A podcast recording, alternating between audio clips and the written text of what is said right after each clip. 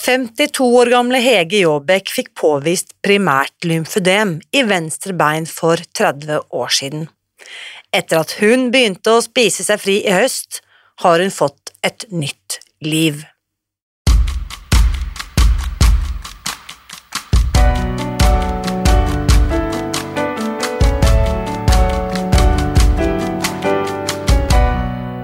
Mitt navn er Irina Lie.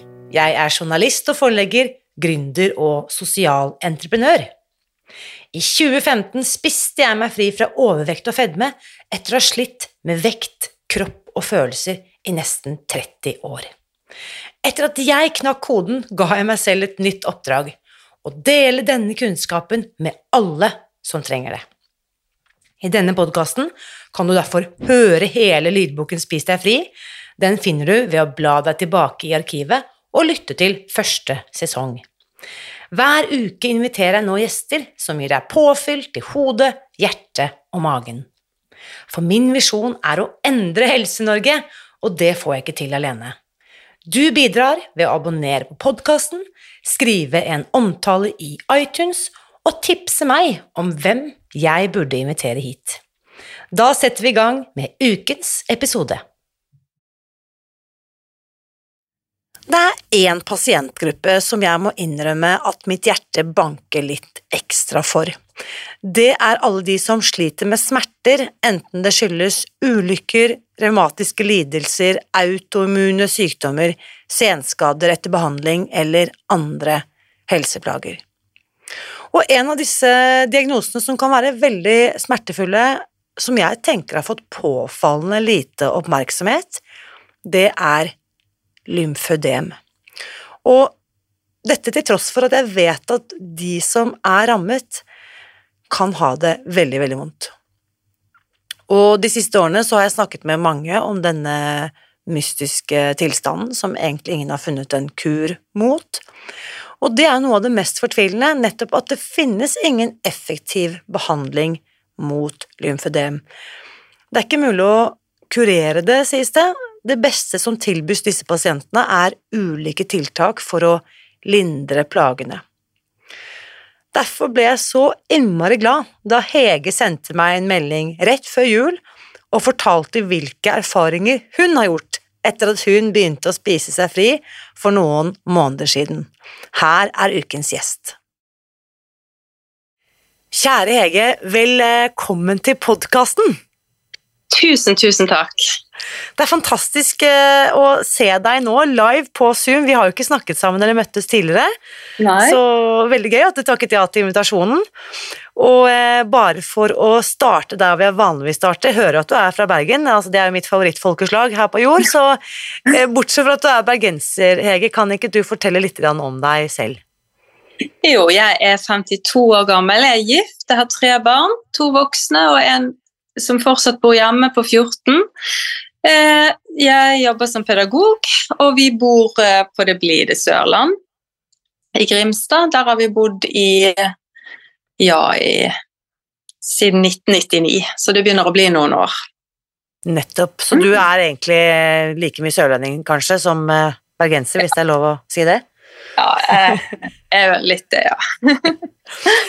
så um, da skjønner jo folk sikkert at grunnen til at du er med her, er at uh, du har en spennende historie å fortelle i forhold til Spis deg fri, og det har du, for jeg har fått vite bitte, bitte litt etter at du sendte meg en uh, melding for noen uker siden. Det var da faktisk, jeg måtte se opp her, 20. desember 2022, rett før julaften, fikk jeg en eh, melding fra deg på Facebook som gjorde at jeg måtte bare stoppe opp og slippe alt jeg hadde i hendene, og umiddelbart Eh, invitere deg inn hit for mm. å eh, fortelle dette til flere, for dette her er helt oppsiktsvekkende. Ja. Så jeg kan jo bare si det som så, at de som lytter nå, bare stopp opp med det du gjør, sett deg godt til rette og lytt til denne historien som Hege skal fortelle, fordi det er oppsiktsvekkende når vi snakker om dette, hvordan det kan påvirke helsen. Mm. Men før vi forteller om gevinstene du har fått, Hege, fortell litt om bakgrunnen din, altså CV-en din, når det gjelder hva skal vi si, slanking, mat, kosthold, helse. Hvordan ser den ut?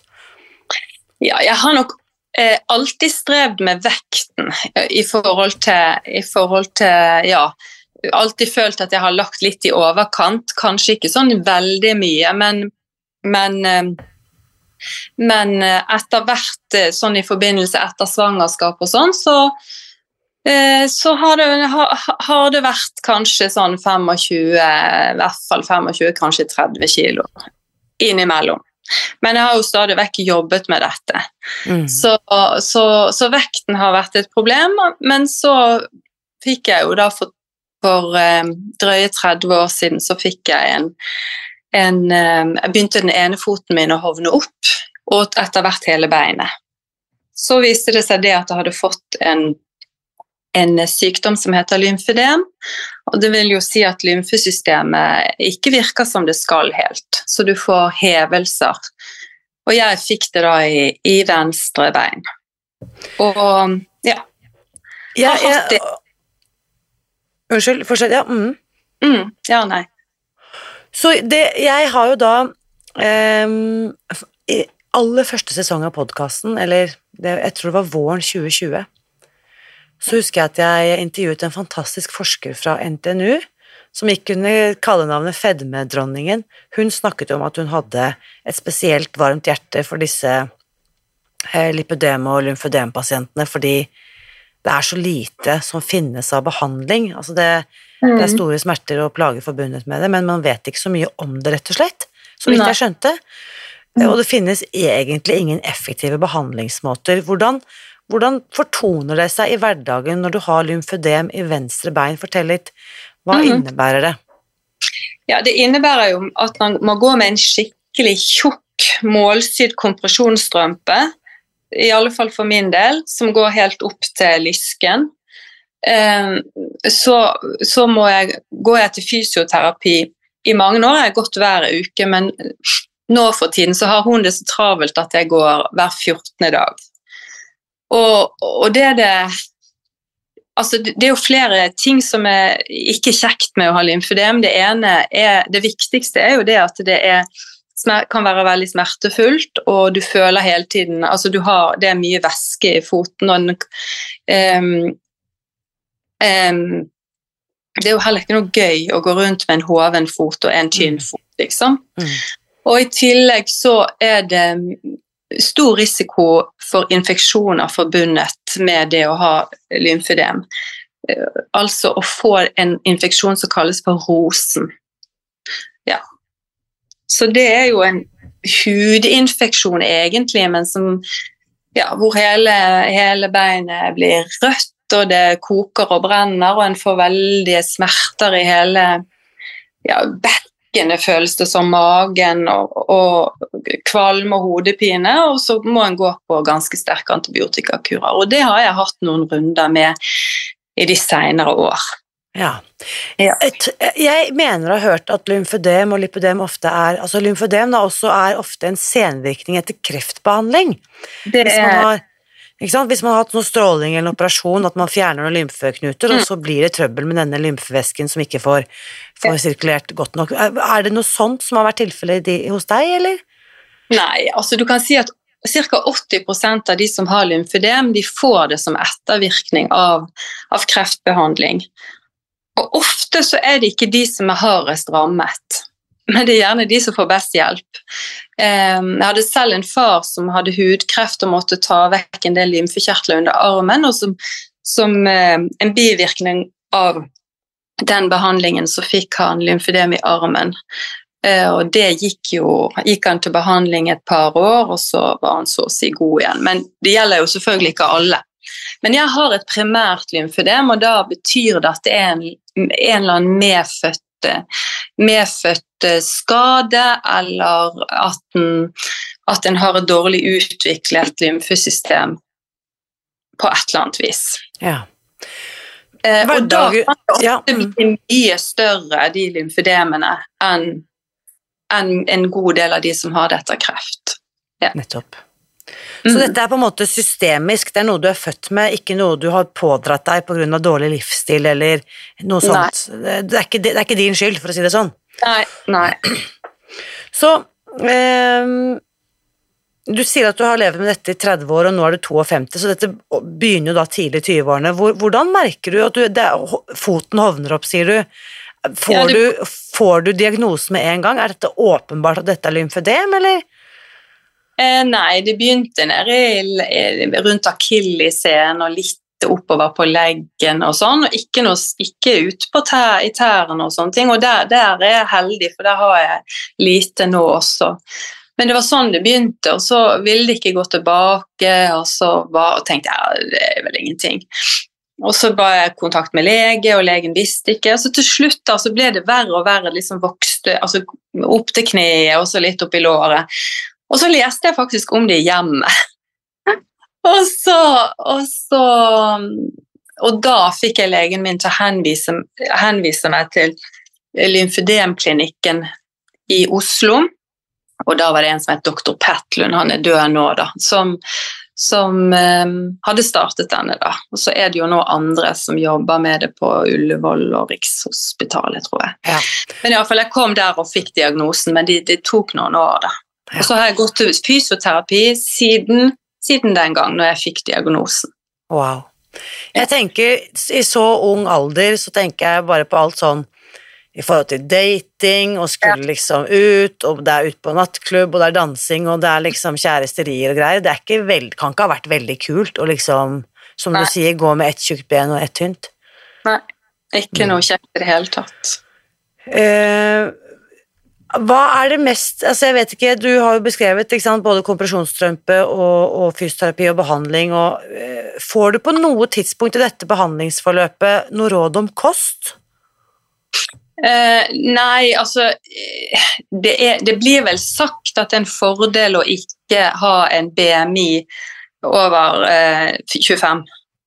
Det blir nok sagt, men det er veldig lite fokus på det. Det er ikke, det er ikke noe Du får ikke noe råd, nei. Nei, det, Du får beskjed om at det er lurt å være normalvektig, men du får ikke noe råd om hvordan du skal få det til. Nei, fiks Nei. det, bare. Fiks det. Så du beskriver jo her sant, at du har jo da egentlig strevd med vekt. Du skrev jo melding til meg at du har egentlig strevd med vekt siden du var 12, og nå er du 52, så vi snakker fire tiår. Mm. Eh, når du er 12, eh, hva er det du begynner med når du skal tenke at du har et problem? Hvordan skal du løse problemet da som tenåring? Spise så lite som mulig, selvfølgelig. Ikke sant? Og da Mm. blir det jo trøbbel etter hvert. Og så, Yes. Jeg husker at jeg spiste sånne salte kjeks liksom, og frukt for å prøve å spise lite. ja. Mm. Altså Når jeg tenker på min indre tolvåring og alt det grusomme jeg fikk henne til å gjøre, stakkars, stakkars barn, tenker jeg altså jeg bare må tilgi meg selv, for jeg visste ikke bedre, men det var ja, ikke bra. Nei, absolutt ikke. Ja. Absolutt ikke. Jeg husker eh, på det mørkeste kapitlet, det er mange mørke kapitler, men på videregående så var det en periode da gikk jeg ned veldig mye, hvis noen lurer på hvordan man kan gå ned veldig mye veldig fort. Spise kokt blomkål med det som het ravigottesaus tidlig på 90-tallet. Ja. Eh, det var det jeg spiste typ eh, morgen, middag, kveld. Dette var vel sikkert en kur hadde funnet på selv. Smakte grusomt og gjorde selvfølgelig at eh, kiloene falt av, men det er jo ikke holdbart, ikke sant. Nei, det er det det ikke er. Så, din, eh, så her har vi på en måte to helsereiser, og jeg tipper at de er litt sånn forbundet. Smerter og sånn, og alt dette med lymfødem, og også din kamp da mot kiloene. Hva gjør du i denne kilo, i denne eh, nærkampen med kiloene? Hvor, hvor, hvor tar den deg hen? Nei, jeg har jo annet gått på Grete Rode-kurs mange ganger, og har ikke noe vondt å si om det egentlig. Problemet er å holde seg etterpå. Grete Rode har jo også stabiliseringskurs, da, men det er et eller annet med den der cravingen eh, som aldri gir seg, den kampen mot vilje, altså viljestyrkekampen hele tiden. Yes. Jeg har også brukt eh, Fordi jeg har strevd litt med magen, så har jeg også, også fulgt både Berit Nordstrand, Omstart og Helene Ragnhild, mm, aktiv på Instagram. Et kurs som også går på det med tarmstyrkende mat.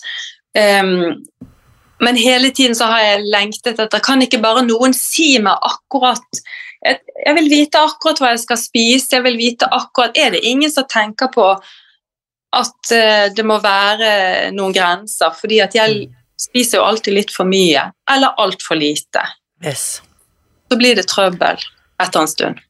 Disse ulike kurene, og jeg vet at veldig mange kjenner seg igjen i dette her, veldig mange har prøvd akkurat de samme greiene som du, og jeg er en av dem. Hvilke resultater gir det deg eh, i forhold til vekt? Eh, det gir meg eh, i forhold til vekt at jeg At jeg Ja. At jeg mangler en 10-12 kilo, så går det Ja. bare ikke. Jeg kommer meg ned ganske mye, men så går det bare ikke mer. Nettopp. Og så er jo ikke målet at den skal være bli så og så tynn, men, men jeg kjenner liksom at å, kanskje det hadde vært bedre for lymfedem hvis jeg hadde hatt Hvis jeg hadde i hvert fall klart å komme under, eller komme ned på 25. Mm, i BMI, ja. Ja. Kan jeg spørre deg, Hege, hvor mye vet du det? Hva du veide på de tyngste? Har du noe eh, Ja, jeg vet, jeg vet i hvert fall at det tyngste jeg har veid meg, uten at jeg var gravid, da, da veide jeg 95. Ja. Det var der jeg også lå. Mm. Ja. Jeg kjenner, jeg kjenner meg jo en god del igjen i dine historier, og i ja, hun som har skrevet eh, Dr. Susan. Hennes eh, Det var jo det som gjorde at jeg bare Ja! Endelig! Ja, for da har vi kommet frem til det jeg skjønner må være høsten 2022, eh, eller sommeren. Når er det du finner boken? Hvordan, hvordan skjer dette? Det er vel Facebook, er det ikke det?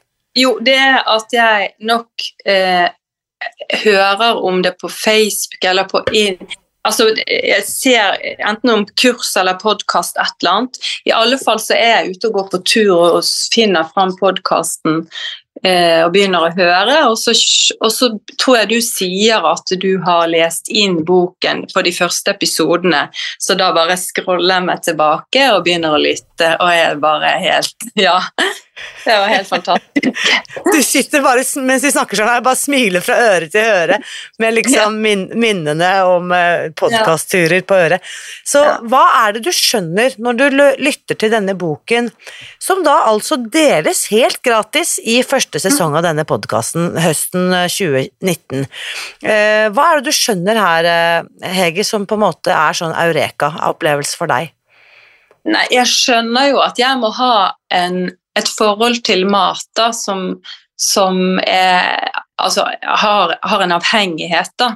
Som ikke nødvendigvis betyr at jeg spiser meg fra sans og samling, men at jeg i hvert fall tenker på mat eh, constantly. Og, eller at det hele tiden er en kamp, da. At det er veldig mye kamp og viljestyrke. Og det går veldig, veldig Jeg har kjempemye viljestyrke. Det går veldig lenge, og så plutselig så går det ikke mer. Mm. Og at eh, en føler seg så mislykket og ja, som et dårlig menneske. Det går jo utover En vet hva som er bra. Jeg vet hva som er bra for helsen min. Det går ikke utover bare med meg, det går utover familien min, ikke Mm. sant? Også. Ja. Så, så så det er jo det, og når, når, når eh, eh, I boken det fortelles om både det med hvordan hjernen fungerer, altså det å kunne kjenne på, på Altså metthetsfølelse, det har jeg jo strevd veldig med. At jeg, jeg kjenner Jeg er bare kjempesulten, og så spiser en for mye. Kanskje både for at en spiser litt fort, men spiser for mye, og så er jeg egentlig mer sulten, og så blir jeg kjempemett. Mm. Og, det der, og Derfor så hadde det vært så fint å hatt noen mengder, så en visste at en ikke spiste for lite og ikke for mye. Mm. Ja. Så du skjønner intellektuelt og logisk ganske umiddelbart at yes, dette her høres veldig genialt ut for meg som sliter med disse greiene her. Hvordan begynner du? Altså, da tenker jeg på liksom det å faktisk gjøre det, ikke bare skjønne det. Nei, jeg begynner med å lese, og så Dette her er vel jeg vet jeg tror Etter to dager så går jeg i bokhandelen og spør etter boken, så har de den ikke, så bestiller jeg den, og så kommer han bare i løpet av kanskje tre dager. Og så bare eh, hører jeg og hører og hører på podkasten, og så kommer det fram til eh, kapittelet om vektreduksjonsplan. Frokost, lunsj, middag. Ok, Så skriver jeg det opp på noen sånne svære lapper. Én protein til frokost med korn. Én protein, én korn, én frukt. Ok, hva er det? Og så bare begynner jeg på den listen. Og så bare følger jeg bare det Eh, og jeg har jo ikke kokebok eller ingenting, men jeg bare Ja, vi får prøve å se litt. Fordi det er jo Altså, vi i, i, i lydboken Det er jo vanskelig å lese opp tabeller. Jeg gjør så godt jeg kan, men jeg skjønner jo at de som klarer å starte med å lytte til tabellen, det er, da, da er du motivert, for å si det sånn. Ja. Jeg nesten desperat på en måte. Mm. Og så melder jeg meg vel på et sånt gratiskurs som du har, hvor en får en sånn smak, smakebit av den digitale kokeboken. For jeg Mm. går inn på, jeg skjønner det fins en nettside, så går jeg inn der, og så er jeg på Instagram, så der popper du jo opp. sant? Ja, og så er det jo andre som har vært med på samme reisen som jeg begynte å følge. Kanskje noen av de mest eh, aktive, i hvert fall som jeg har sett på, på Facebook, da, på Spis deg fri. Jeg blir jo Mm. ja, medlem av den gruppen der. Så det er det jeg har gjort til nå, da. Og prøver å følge, og bare, bare fulgt det. Og, og helt fram til jul så Jeg tok jo bilder og sånn, etter noen uker tok jeg bilder. Jeg veide meg når jeg begynte, men så har jeg veldig sånn vanskelig forhold til det å veie seg. Så Mm. derfor så tenkte jeg at ok, men jeg skal veie meg til jul. Fordi at i julen så var hele vår familie i Afrika på ferie. Så tenkte jeg at jeg må jo nesten veie meg for å finne ut om eh, Ja, at ikke jeg legger på meg i julen. Og så går jeg på vekten, og så har jeg gått ned 20 kilo.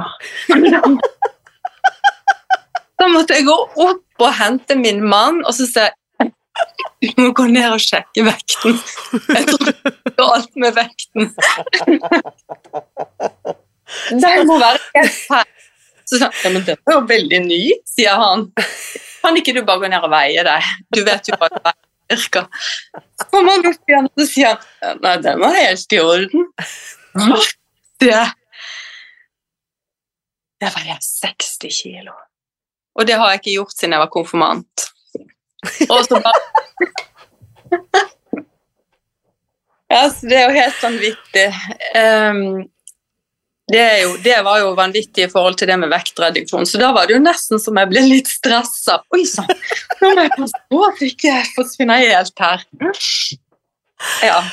Det, jeg må bare du, Hva er startdatoen din? Når er det du begynner sånn eh, liksom som du regner som din dag én? Eller start måned, da? Eller start sånn Ja, omtrent? altså em, Jeg må bare tenke meg om. Jeg tror det er 5. oktober. Så jeg sier jo ofte sånn, anbefaler de som har litt oppheng på det med vekt eh? Skal du ned mer enn fem kilo, så trenger du ikke veie deg mer enn en gang i uken og en gang i annenhver uke, men jeg har aldri hørt om noen som starter, og så ikke går på vekten på ja, to måneder, da, eller ti uker, eller Ja, for jeg prøvde å, se på Jeg så jo, merket jo på klærne, så jeg visste jo det gikk riktig vei, men jeg følte ikke på en måte at det raste ned. Nei. Eh, men, men eh, jeg hadde aldri trodd Jeg trodde kanskje at jeg nærmet meg 70 kilo. At du hadde gått ned, for du startet på ca. 80, Ja, eh, 5. oktober. Du trodde Mm. du kanskje hadde gått ned 10, men du hadde faktisk gått ned 20 kilo. Og hvilken dato var det du gikk på vekten før, før Afrikareisen? det var, den, det var den samme dagen som jeg var 20. desember. Ja. Den dagen, da måtte jeg bare sende deg en melding. Ja, for det er da jeg får denne nå etter hvert eh, legendariske meldingen. Eh, 20. desember 2022. Du eh, var sikkert kommet rett fra skolen, for det var klokken var 16.55. Hvor du Ja. skriver 'Hei, punktum. Ville bare si noen ord. Hjerte-emoji'. Jeg begynte på å spise deg fri for ti uker siden, og så kommer da noen av disse her, noen av disse, blant annet denne vektnedgangen. Men det er jo ikke Ja. derfor jeg steiler, fordi eh, altså det er jo helt fantastisk å høre, Hege, men det er faktisk ikke unikt at folk går ned 20 kilo på 10 eller 12 uker. Det som er mye mer som gjør at jeg umiddelbart svarer og vil invitere deg til denne podkasten, er jo det du skriver om sykdommen din. Ja. Ja. Fortell hva som skjer, hvilke helsegevinster får du der i venstrebenet? Ja, det går jo ikke veldig mange dagene etter at jeg har begynt, eh, uten, eh, og at jeg kjenner at det letter, på en måte trykket letter i foten, og den blir tynnere. Altså væsken på en måte kommer inn der den skal, og går ut av kroppen der den skal. Um, og det har jeg opplevd før. Men, eh, men det bare fortsatte og fortsatte og fortsatte. Og tilfeldigheter gjorde at eh, jeg var borte noen ganger fra fysioterapeut, og, og eh, hun hadde noe sykdom og sånn. Så det gikk faktisk sju uker uten at jeg var til behandling. Og så kommer jeg til behandling, og hun bare Wow, du har blitt tynn. Men hva skjedde med foten? Altså, hun var helt sjokkert, mm. fordi den var så god. Og, og, og, det skulle den ikke vært. Altså, jeg skulle vært kjempedårlig etter syv uker uten lymfedrenasje.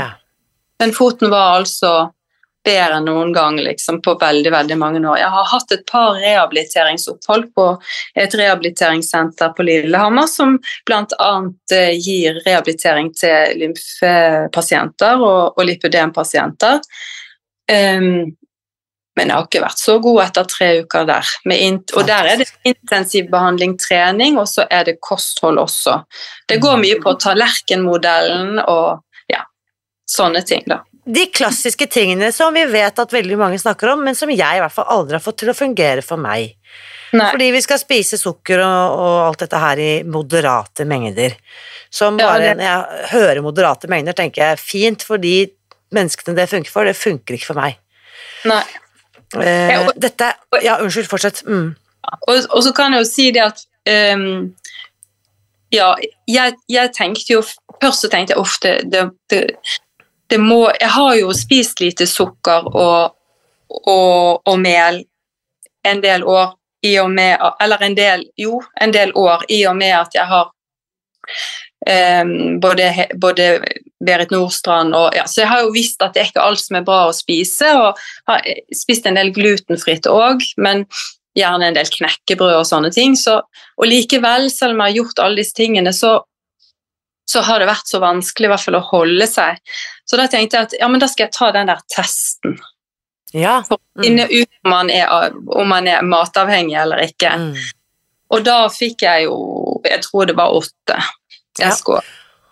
Og den testen, for de som ikke har fått den ennå, så finnes den altså i kapittel fire i boken, så man kan lese om den der, så man skjønner man kan teste seg selv ut ifra det som står der. Mm.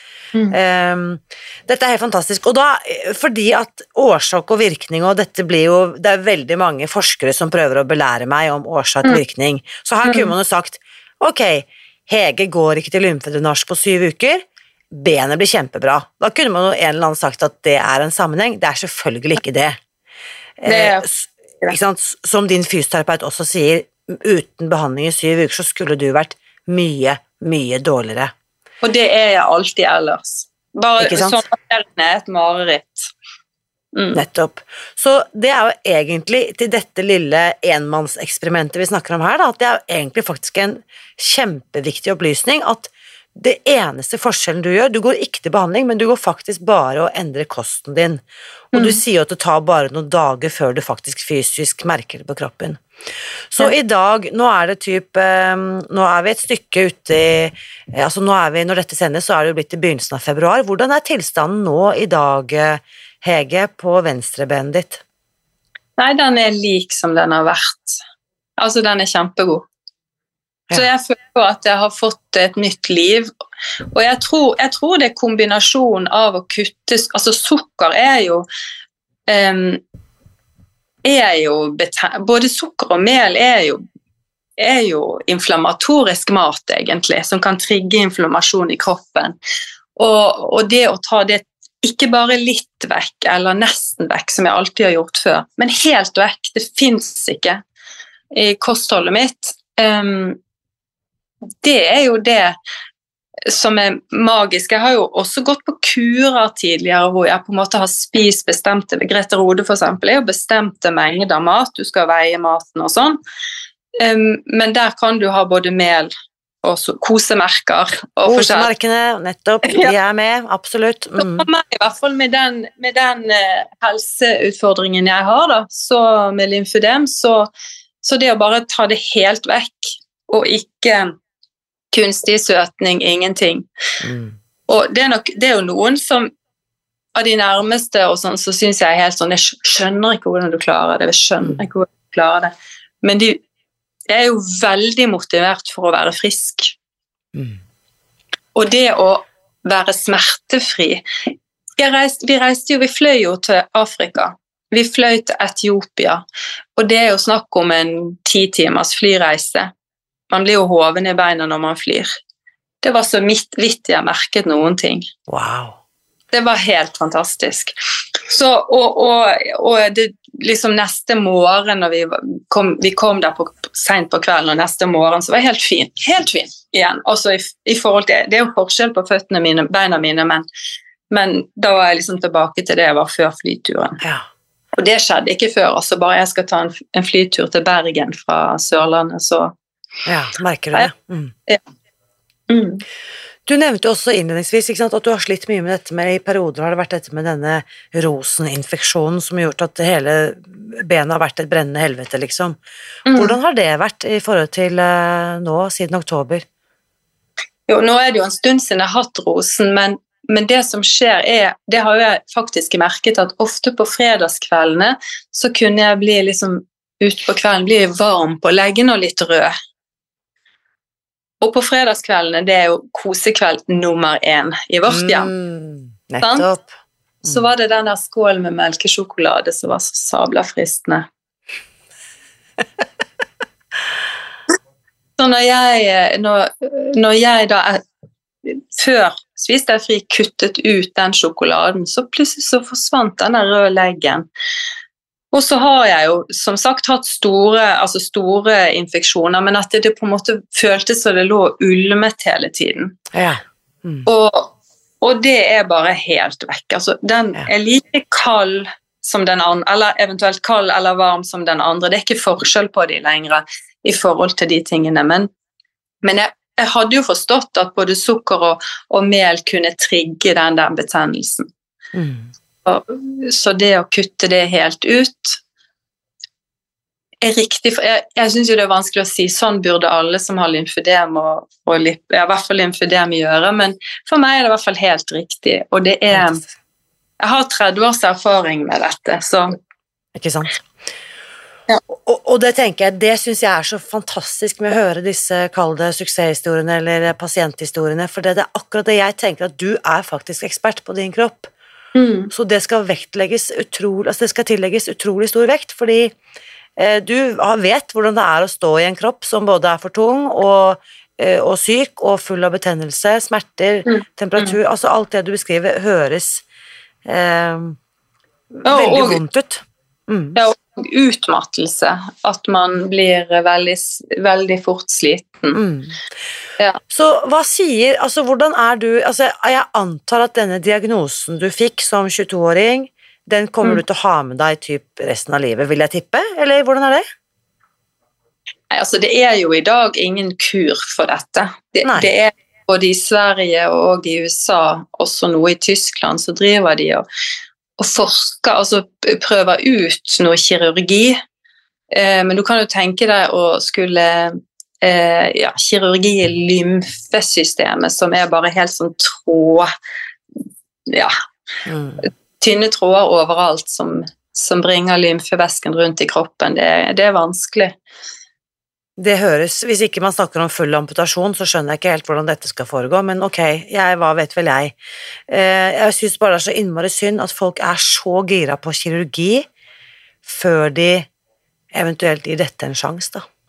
Ja, det syns jeg. Og så er det jo sånn at når en har hatt disse, sånn som jeg da, har hatt disse infeksjonene, og altså du blir så sliten, M, altså nesten litt sånn ME-følelse, Mm. så, så er det jo helt utrolig at et endret kosthold Jeg har jo trent kjempemasse også, Mm. hele veien. Og, og, og likevel så er det så tungt, og det er vondt. Og, men jeg trener jo, altså. Det, det, det gjør jeg. Men, men, men at dette kan gjøre at jeg blir frisk, at jeg kan jobbe 100% Ja, sånne ting. Det er kjempeviktig. Det er folkehelse. Dette er folkehelse på høyt nivå. Tenker du i dag Altså, bruker du fortsatt kompresjonsstrømpe opp til eh, lysken, eh, Hege? Ja, det må jeg. Mm. Ja. Og du går fortsatt i behandling annenhver uke hos fysioterapeut? Ja. Ja. Hva tenker du om rehabiliteringsopphold? Er det behov for at du går på det? Niks. Niks. Og det, altså det var flott å være der, kjempeflott å være der, men det å skulle reise og være tre uker vekke fra familie, f.eks. Eh, måtte være sykemeldt altså det, ja, som Ja. du sier, det koster masse. så. Så jeg trenger ikke noe rehabiliteringsopplegg. Tenkte jeg det.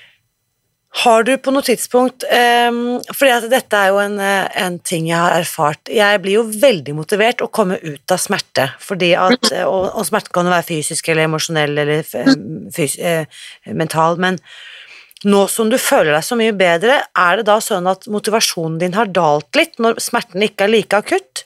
Skjønner du hva jeg mener? Eller er du fortsatt like motivert? Nei, jeg er fortsatt like motivert, men, men eh, når de, når de nå, nå kjenner Går jeg og kjenner litt på meg sjøl, hva er det nå som, motiv, som Nå må du være fornøyd, Hege. Sant? Så kan jeg lett Mm. Ja, men jeg kanskje Jeg kan jo veie tre kilo mindre, ikke sant? Og så vil ikke kroppen mer. Jeg er sånn rundt 60, kanskje 58, så vil ikke kroppen mer. Så det er helt tydelig at nå er det, nå er det nok. Mm. Jeg er 1,70 høy, så det, det er jo helt, det er helt greit å være der jeg er. Eh, så nå begynner det der skumle, da, med å skulle legge til tillegg. ja. um, jeg hører at du har, du har stor kompetanse, og du er åpenbart eh, oppegående nok til å bare fikse dette med å ha hørt det på podkasten. Det syns jeg er kjempeimponerende.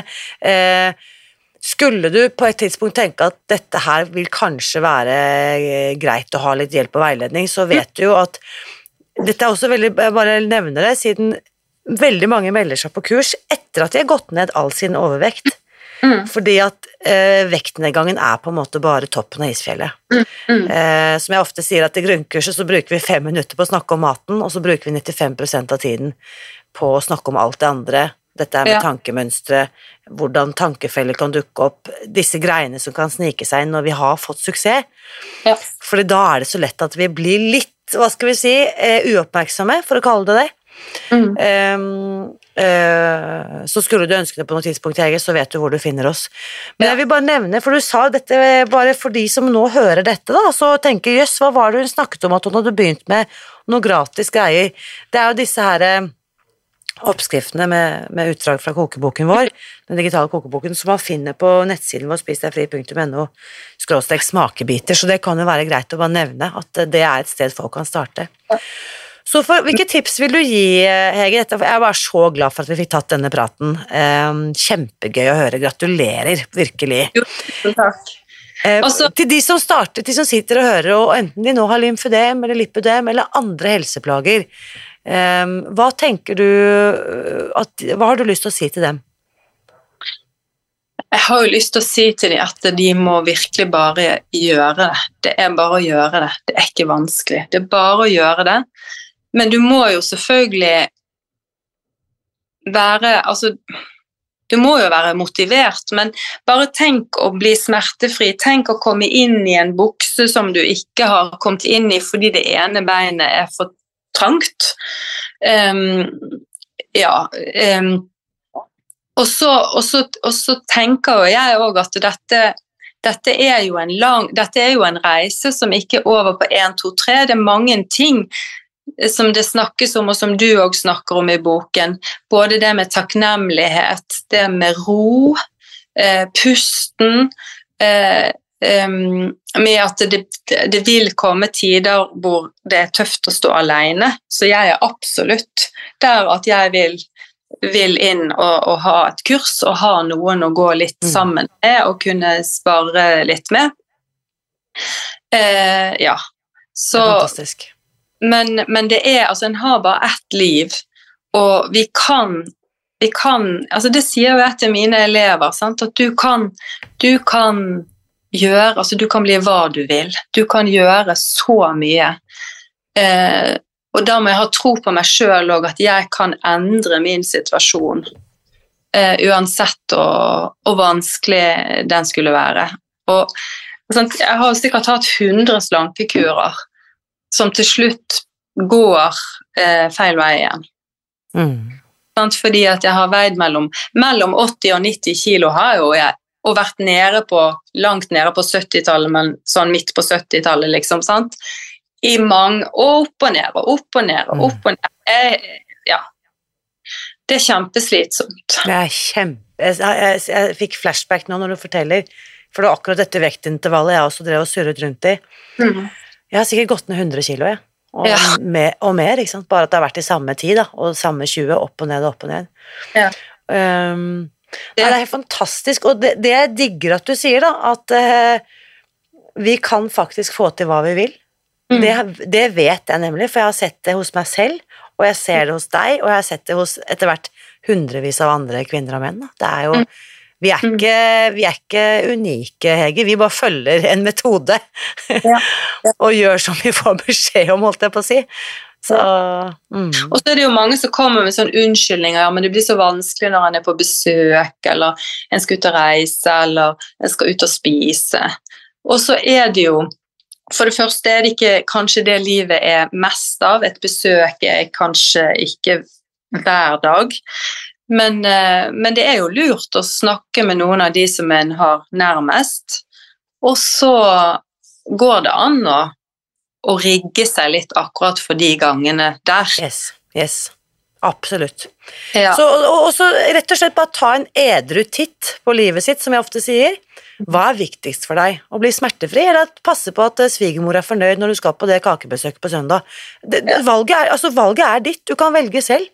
For meg er det klinkende klart hva som er viktigst for meg, og det som er så kult, det som du også var inne på innledningsvis, når du er dårlig og har det kjipt, så er det faktisk ganske mange negative ringvirkninger i mange lag i forhold til Mm. familien din, ektefellen din, Ja. elevene du skal veilede, arbeidsgiveren din. Og det samme er det når vi gjør positive endringer. Så når jeg tar vare på meg selv, så er det det mest kjærlighetsfulle jeg kan gjøre for alle andre rundt meg også. Mm. Mm. Det er det. Det er helt sikkert.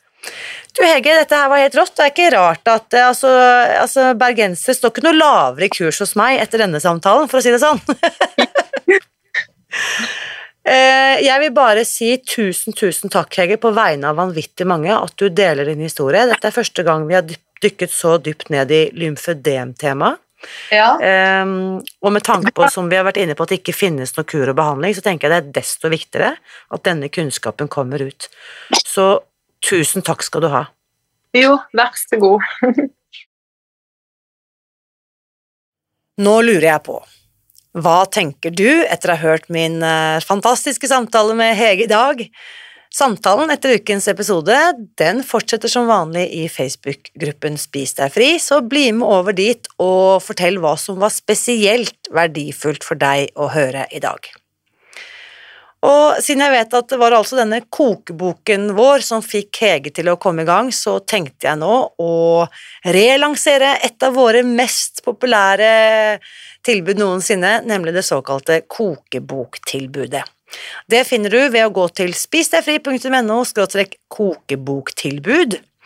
Og dette kokeboktilbudet det inkluderer altså, som navnet tilsier, denne store, grønne, fantastisk fine kokeboken vår.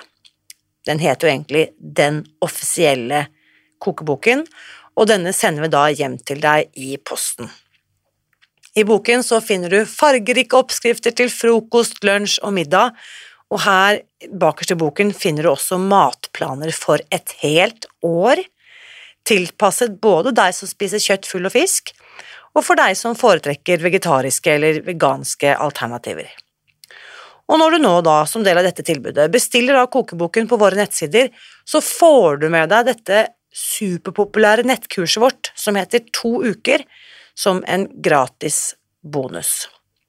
Tilbudet det finner du på våre nettsider eller ved å gå til spisdegfri.no kokeboktilbud. Og det er faktisk en helt fantastisk bonus til med denne kokeboken. Da vi lanserte den offisielle kokeboken, det var i januar 2020, så i forkant av lanseringen så inviterte vi Spis deg fri-følgere over hele landet til å lage oppskriftene i boken hjemme på sitt eget kjøkken, samtidig som de spilte inn en video. Og disse fantastiske gjør det selv-videoene, de har vi samlet i et eget videobibliotek, som du også får tilgang på når du kjøper boken. Så her er det egentlig ikke noe å tenke på, bare klikk deg videre, gå til nettsidene våre på spisdegfri.no, og du finner da dette kokeboktilbudet også på da spisdegfri.no skråstrek kokeboktilbud. Boken den sender vi hjem til deg i posten, så der kan det ta noen dager da, før den dukker opp. Mens dette videobiblioteket og nettkurset to uker, det får du tilgang på umiddelbart. Husk også, uansett hva du gjør for å lindre smerter i din kropp, så vit at jeg heier på deg. Alltid.